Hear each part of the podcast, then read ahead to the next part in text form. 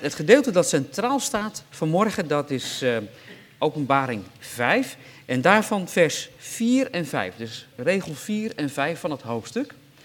En er staat iets heel uh, aparts eigenlijk. Daar schrijft Johannes, want hij, hij is het die uh, dit opschrijft. Hij zegt daar in vers 4 en 5: En ik huilde erg omdat er niemand werd gevonden die het waard was die boekrol te openen, te lezen of in te zien. En een van de ouderlingen zei tegen mij: Huil niet. Zie de leeuw die uit de stam van Juda is, de wortel van David, heeft overwonnen om de boekrol te openen en zijn zeven zegels te verbreken. Nou, daar gaan we naar luisteren wat dat woord van God te zeggen heeft. En uh, na de verkondiging zingen we twee liederen. Lied 396, Kroon hem met gouden kroon. Ik zie hier ook een schilderij staan waar ik dat ook in terug zie. Ziet u dat? Een doornenkroon en een gouden kroon. Jezus was een koning die eerst een doornenkroon droeg, maar hij wordt verheerlijkt. En daar zingen we over kroon hem met gouden kroon.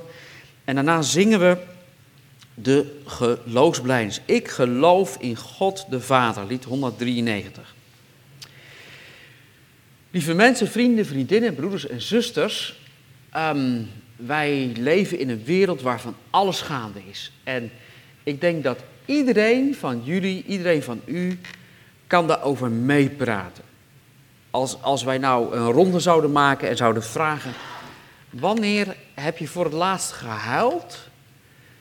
Nou, misschien moet je er even over nadenken, maar er komt je vast wel een moment voor de geest dat je denkt van ja, toen, toen had ik het heel zwaar. Toen moest ik huilen. Toen moest ik huilen. Je kunt natuurlijk ook huilen van, uh, van vreugde en van blijdschap. Dat kan ook. Maar, maar huilen van, ja, van verdriet en van frustratie.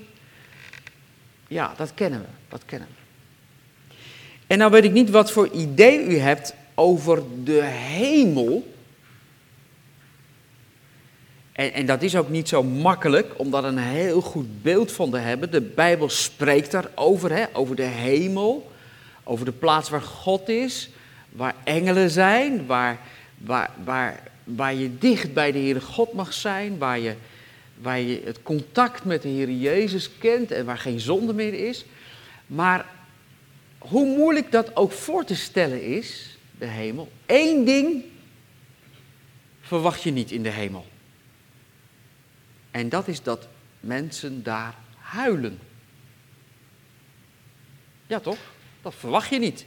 De hemel is een plaats van vreugde. Eh, tenminste, dat is toch zo? En daar wordt niet, niet gehuild. Niet van verdriet in ieder geval. En, en wat is het dan apart dat wij uh, in Openbaring 5 vanmorgen lezen over, over Johannes Johannes, de volgeling van de Heer Jezus, die, eh, die krijgt eh, van, die, van die visioenen, van die beelden, hè? En die mag hij opschrijven. En, en hij, hij mag heel veel zien van de hemel, de plaats waar God is, de troon waar God is, de engelen. En, en dan moet hij juist erg huilen. Niet maar een beetje huilen, maar erg huilen. Terwijl hij zo vlakbij die hemelse werkelijkheid is is eigenlijk heel vreemd, hè? Waarom moet hij nou huilen? Terwijl hij vlakbij de hemel is, terwijl hij in de hemel kan kijken. Hè? Want dat, dat lees je dan in openbaring 4, dat, die, dat Johannes in die, in die visioen die, die hij krijgt, een soort dromen, maar, maar dan krijg je die terwijl je, terwijl je wakker bent. Hè? God laat hem dat zien. Da, dan ziet hij een deur in de hemel vertelt hij in openbaring 4. En die deur die gaat open en dan kijkt hij daar doorheen. En, en dan ziet hij al die prachtige dingen. En toch huilen. Nou, dat is vreemd. Daar, daar moeten we eens wat beter naar kijken vanmorgen. En, en dan schrijf ik boven de preek, dat is het thema, een vraag. Want daar gaat het om in deze verse. De vraag is, waar gaat het naartoe? Mensen kunnen dat ook tegen elkaar zeggen. Hè?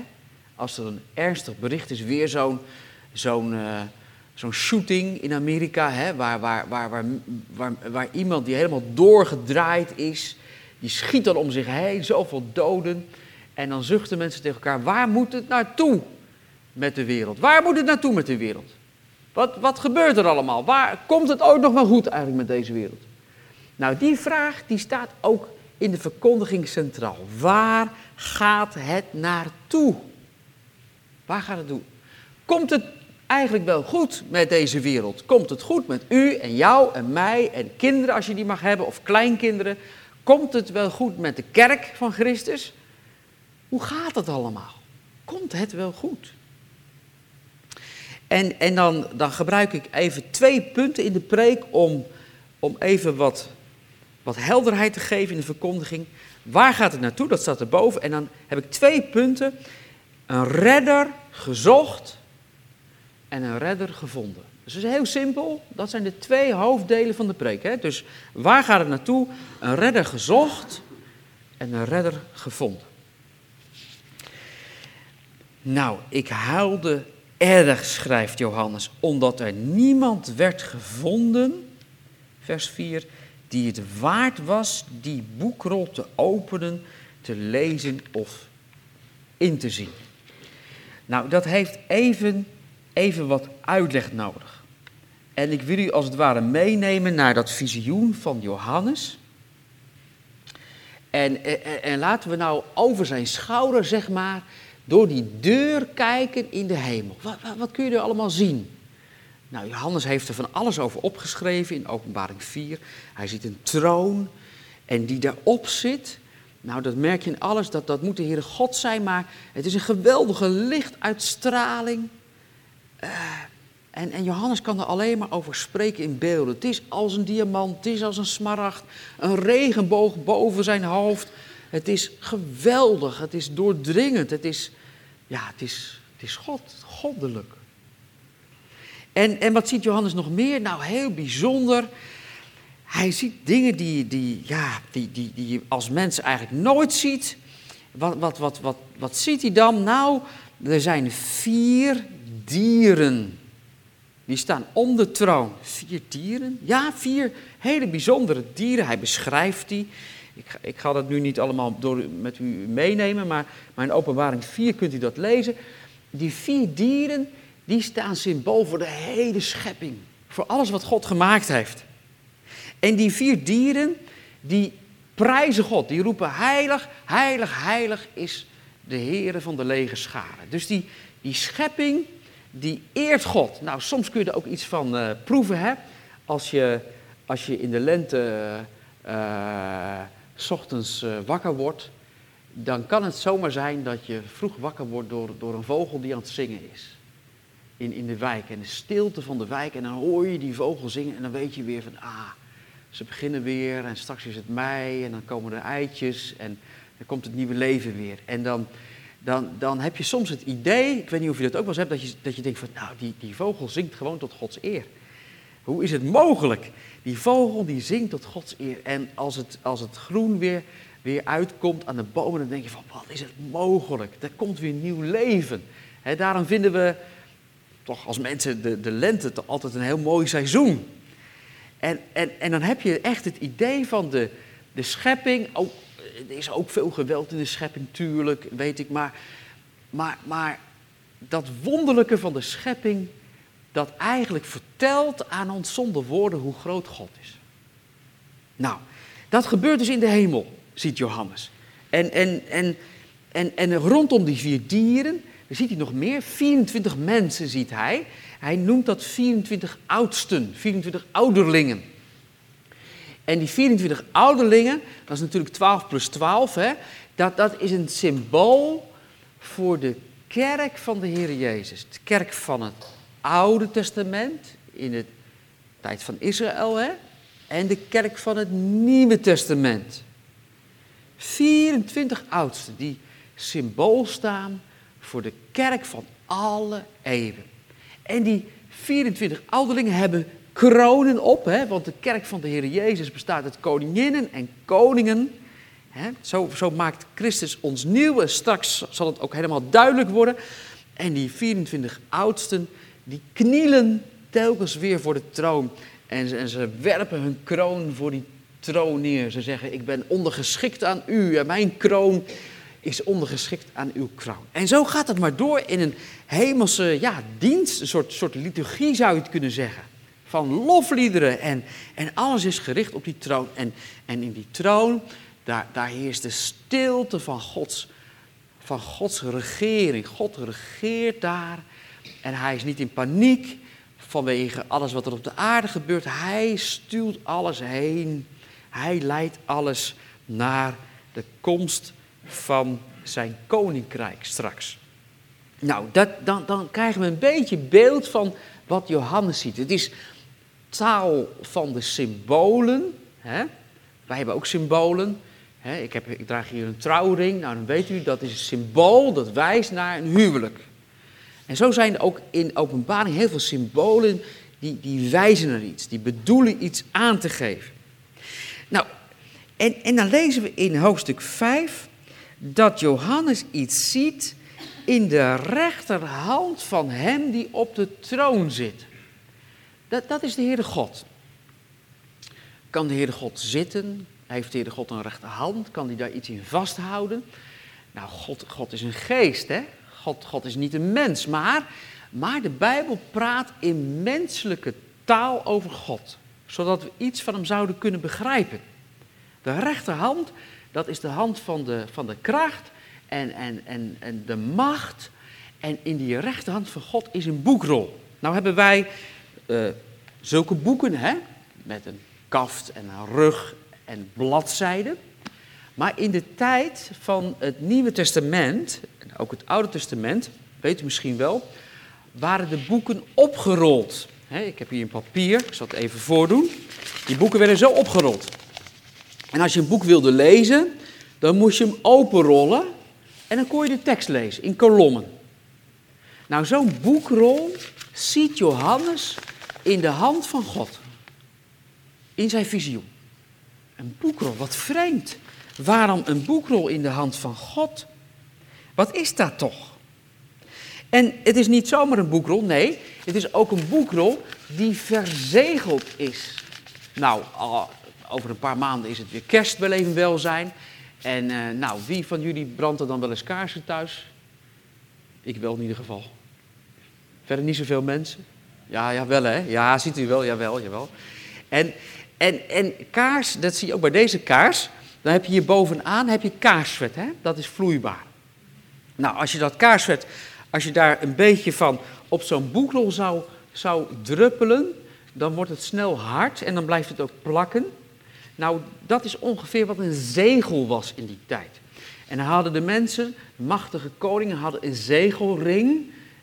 Weet bijna zeker dat die ook wel mensen zijn met een zegelring, vaak met een mooie inscriptie of letters erin. Kijk, ik zie er al één. En dan kon je dat indrukken in dat zachte materiaal. Ik zeg maar even kaarsvet, was het niet helemaal, maar daar leek het op.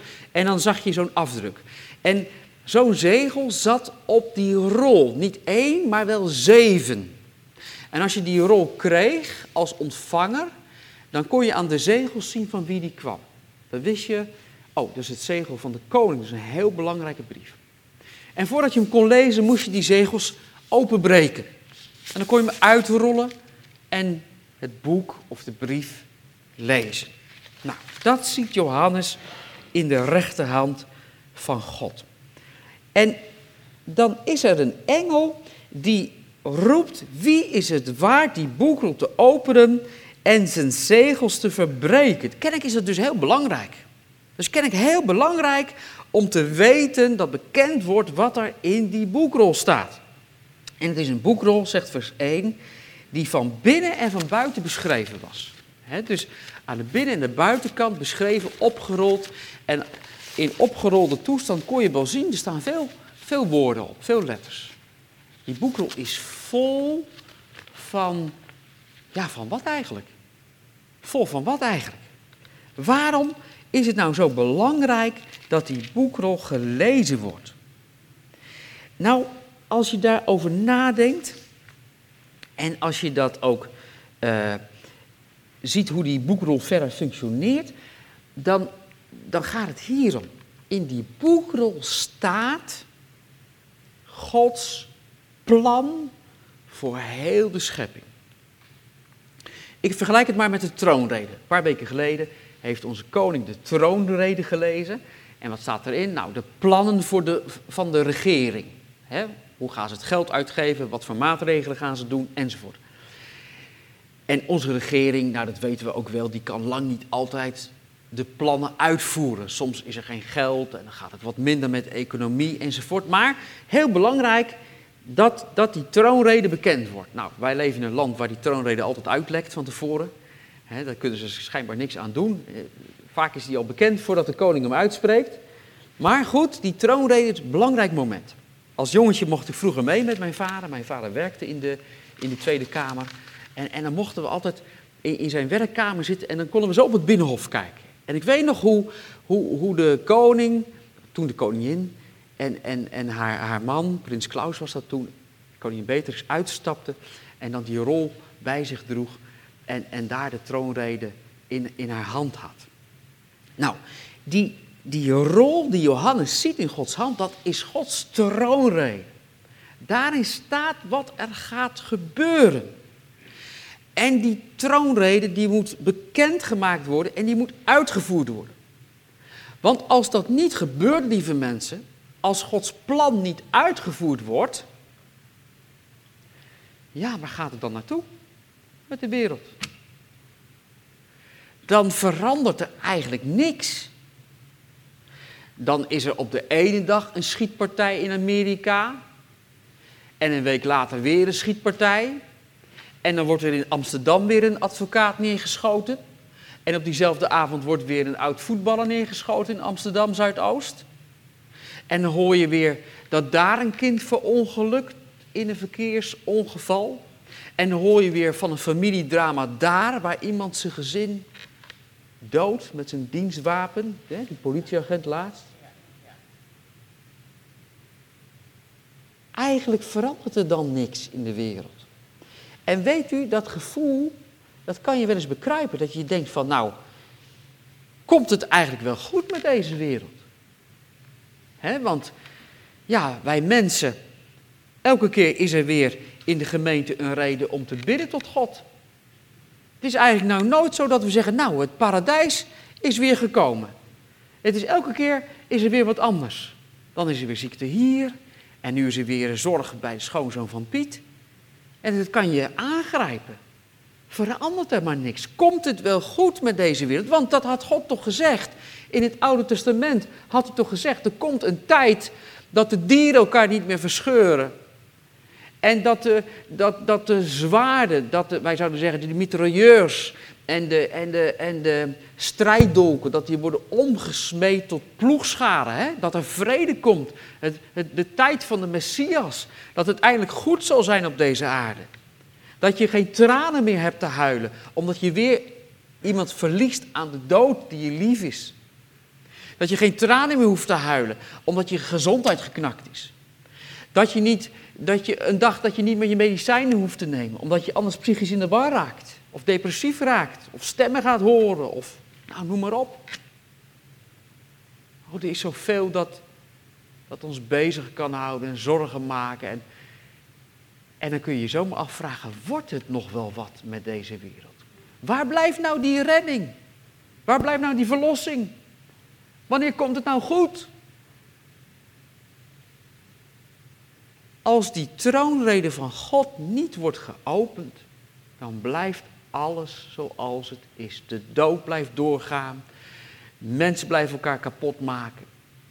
Dictators blijven regeren. Er blijven hongersnoden. Er blijven mensen verdrinken in wankele bootjes op de Middellandse Zee.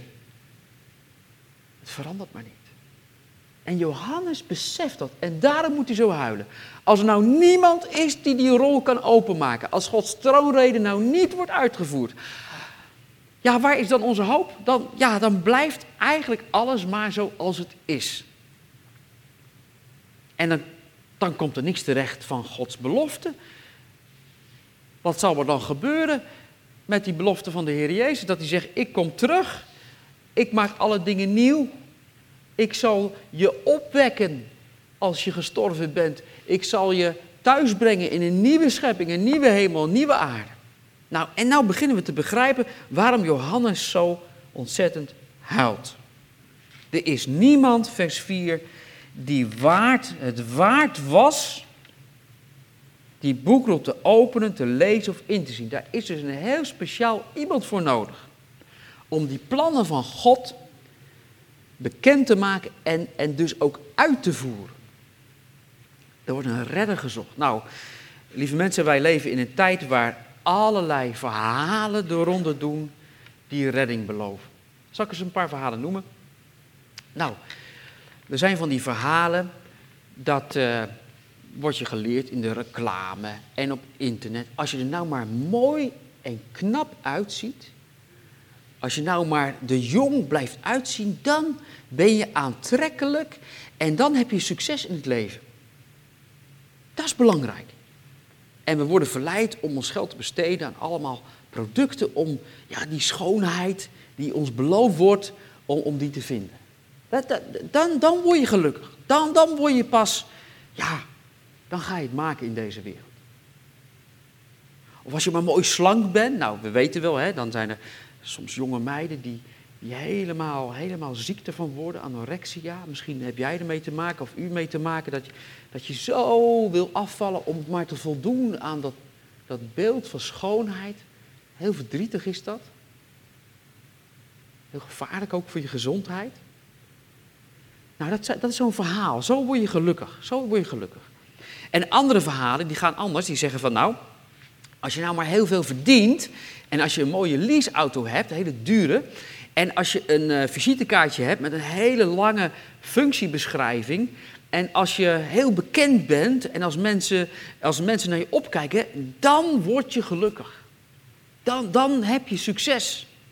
En als je, als je zo'n mooie huis kan laten bouwen, met, met een heel stuk grond eromheen, dan, dan. Nou, zo zijn er allerlei verhalen in deze wereld die beloven je succes. En, en wat zijn er geen mensen die daar hun leven lang achteraan lopen en rennen. En ze zetten zich in en ze rennen er achteraan. En als je die bladen ziet hè, in de supermarkt, dan kun je er iets van zien. Ah, dat vinden ze belangrijk. Daar jagen ze achteraan schoonheid, uh, geluk vinden in de liefde, rijkdom, goed uitzien, succes hebben, carrière maken, geld hebben. Dat, dat is het, dat is het. En tegelijkertijd weet je dat mensen eigenlijk nooit gelukkig worden. Hoeveel verhalen zijn er van mensen met grote huizen en veel geld, maar met een leeg hart?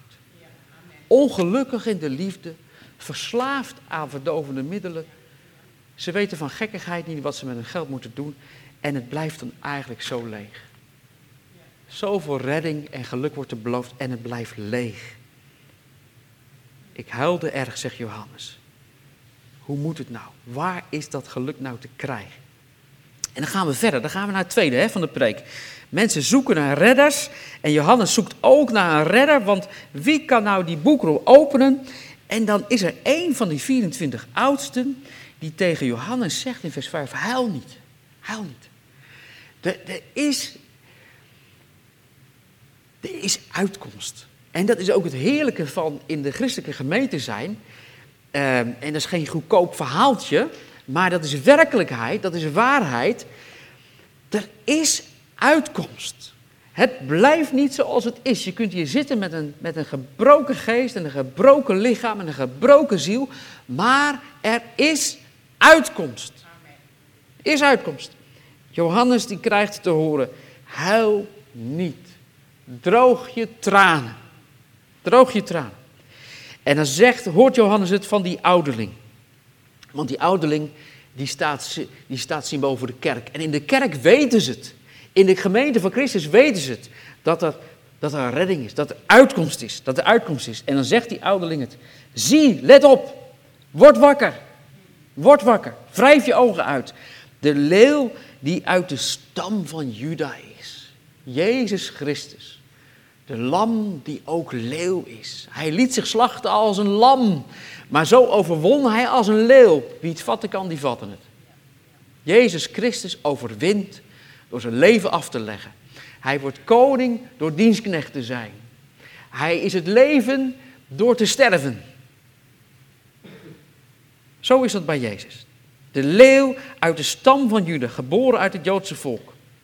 De wortel van David, hè, die David, die grote David, die die belofte kreeg. Uit jouw huis, uit jouw gezin zal de Messias geboren worden. En dan zegt Johannes, ja, maar, maar, maar de Heer Jezus, die was er al voor David, van eeuwigheid al. Hij werd in het vlees in Bethlehem stal geboren uit de lijn van David, maar, maar, maar de, de eeuwige zoon was al voor David. David is eigenlijk uit hem voortgekomen, uit zijn werk. Maar die Jezus, die heeft overwonnen om de boekrol te openen en zijn zeven zegels te verbreken. Dus Jezus Christus, en zo hebben we het ook gelezen, die is waardig, die is in staat om die boekrol te nemen uit Gods hand en die zeven zegels open te breken. En, en, en die, dat plan van God te ontvouwen, zodat het uitgevoerd wordt. Zodat het uitgevoerd wordt. En dat zie je dan geboren, uh, gebeuren hè? in vers 6. Dan zie je dat lam staan, de Heer Jezus Christus is dat, hè? ook in symbooltaal, hè? u begrijpt dat, de Heer Jezus als lam. Het staat, het leeft dus, het staat als geslacht. Dus het heeft, het heeft nog zo'n litteken, zo'n zo, wond in de hals. Als lammetjes geslacht werden, dan, dan, dan werd dat doorgesneden. En, en dan bloedde er zo'n zo'n zo'n lammetje uit. Nou, maar dit lam met zijn slacht ontstaat. Jezus Christus, u weet het wel, met de littekens in zijn handen en in zijn voeten en in zijn zij. En die zei het tegen Tobas, nou voel het maar. Ik ben het echt. Hij staat, hij leeft. En hij draagt die tekens nog met zich mee. Hij, hij heeft ook in zijn verheerlijkte, zijn, zijn, zijn, zijn nieuwe lichaam, om zo te zeggen, draagt hij die tekens nog met zich mee. Want het zijn de tekens die wijzen op de liefde waarmee hij ons gekocht heeft. Waarmee hij ons gekocht heeft. En zo staat dat lam. Het is ook een heel bijzonder lam. Zo'n lam vind je nergens hoor. Zeven horens, zeven ogen. Ook alweer symbooltaal. Hè? Dat lam kent alles en ziet alles. En dat lam neemt die boekrol uit de rechterhand, vers 7 van hem die op de troon zat. En dat lam breekt die zeven zegels, dat kun je in het vervolg lezen, open. En elke keer gebeurt er wat. Geen makkelijke dingen. Rampen gebeuren er. Hongersnoden gebeuren er. En toch. Het lam heeft de boekrol in zijn hand. Het lam stuurt alles naar het einde. Het lam, en lees maar hoe het afloopt in het eind van het boek Openbaring. Het lam houdt alles in zijn macht. En nou is het, dat was in de tijd van Johannes, was dat al zo, want in de tijd van Johannes had de kerk het bepaald niet makkelijk. De kerk was klein, heel veel gemeentes kwamen samen aan huis, een kleine groep mensen, veel kleiner dan zoals we hier bij elkaar zitten. De kerk werd vervolgd door de Romeinse overheid. De kerk uh, had uh, geen uh, ja, universiteiten of christelijke scholen om de jeugd te vormen. Was er niet. Er waren geen bibliotheken met goede boeken waar je, of goede films of goede internetinformatie over het christelijke geloof. Was er allemaal niet. En, en nou was de, de leidinggevende van de kerk, Johannes, ook nog weggestopt op een klein eilandje. Het eiland Patmos. En vandaar schrijft hij dit boek en krijgt hij zijn visioenen. En je kunt je bang afvragen, waar moet het naartoe met de kerk? Waar moet het naartoe met de wereld? Nou, misschien hebt u dat ook wel eens het gevoel. Waar, waar gaat onze gemeente naartoe? Hoe gaat dat? Hoe moet het in de toekomst? Misschien uh, vraagt u zich dat ook af. Hoe gaat het in deze wereld? Hoe, gaat dat met, met al die machtige landen? Komt er een oorlog, een derde wereldoorlog of niet? Of misschien zegt u van nou, ik ben vooral bezorgd over mijn eigen leven, mijn eigen gezondheid, mijn eigen kinderen, mijn eigen huwelijk. Hoe zal het daarmee gaan? Te midden van al die vragen horen we nou over het lam dat alles in zijn hand draagt. Dat die boekrol van Gods plan vasthoudt. En hoe het dan ook gaat, wat er dan ook gebeurt, aan oorlogen, aan hongersnoden, aan verdrukking, het lam houdt zijn gemeente vast. Het lam wil u vasthouden. En dan is het natuurlijk wel belangrijk dat we het lam, de Heer Jezus, ook als onze koning kennen. En dan moeten we ook in de christelijke gemeente tegen elkaar zeggen en aan elkaar vragen van, is dat nou zo bij ons? Kennen wij de Heer Jezus als onze koning? Hebben wij ons leven en onze kroon aan zijn voeten gelegd? Vertrouwen we werkelijk op Hem? Luisteren wij ook naar Hem? Laten wij ons leiden door Hem? Want ja, ook in de christelijke gemeente kunnen we slim zijn, hè? Kunnen we onze eigen wegen gaan? Kunnen we over dat hek heen van Gods tien woorden, Gods tien geboden of de onderdoor? Kunnen we een dubbel leven leiden? Second life heet dat dan. Wat is het belangrijk om ook vanmorgen weer ons toe te wijden aan het lam. Om te zeggen, Heer Jezus, wat er ook gebeuren gaat. Waar het ook heen moet. De uitkomst staat vast. Bij u mag ik schuilen, bij u ben ik veilig. Wat is het ook belangrijk om daarover te praten met de kinderen van de gemeente? Wat is het heerlijk dat zij ook zonderschool krijgen? Wat is het heerlijk om om ook als gemeenteleden, als volwassenen met de kinderen in de gemeente te spreken en dat door te geven. Joh, de Heer Jezus, dat is de beste koning die er is. Volg Hem. Wat is belangrijk om elkaar aan te sporen. En elkaar ook erbij te houden. Waar gaat het naartoe met deze wereld? Er zullen mensen zijn die zeggen, als we maar veel investeren in techniek en wetenschap, als we maar slimme dingen bedenken, dan uh, redden we het wel in deze wereld. Ook met klimaatverandering, we bouwen hogere dijken. Nee, dat komt wel goed.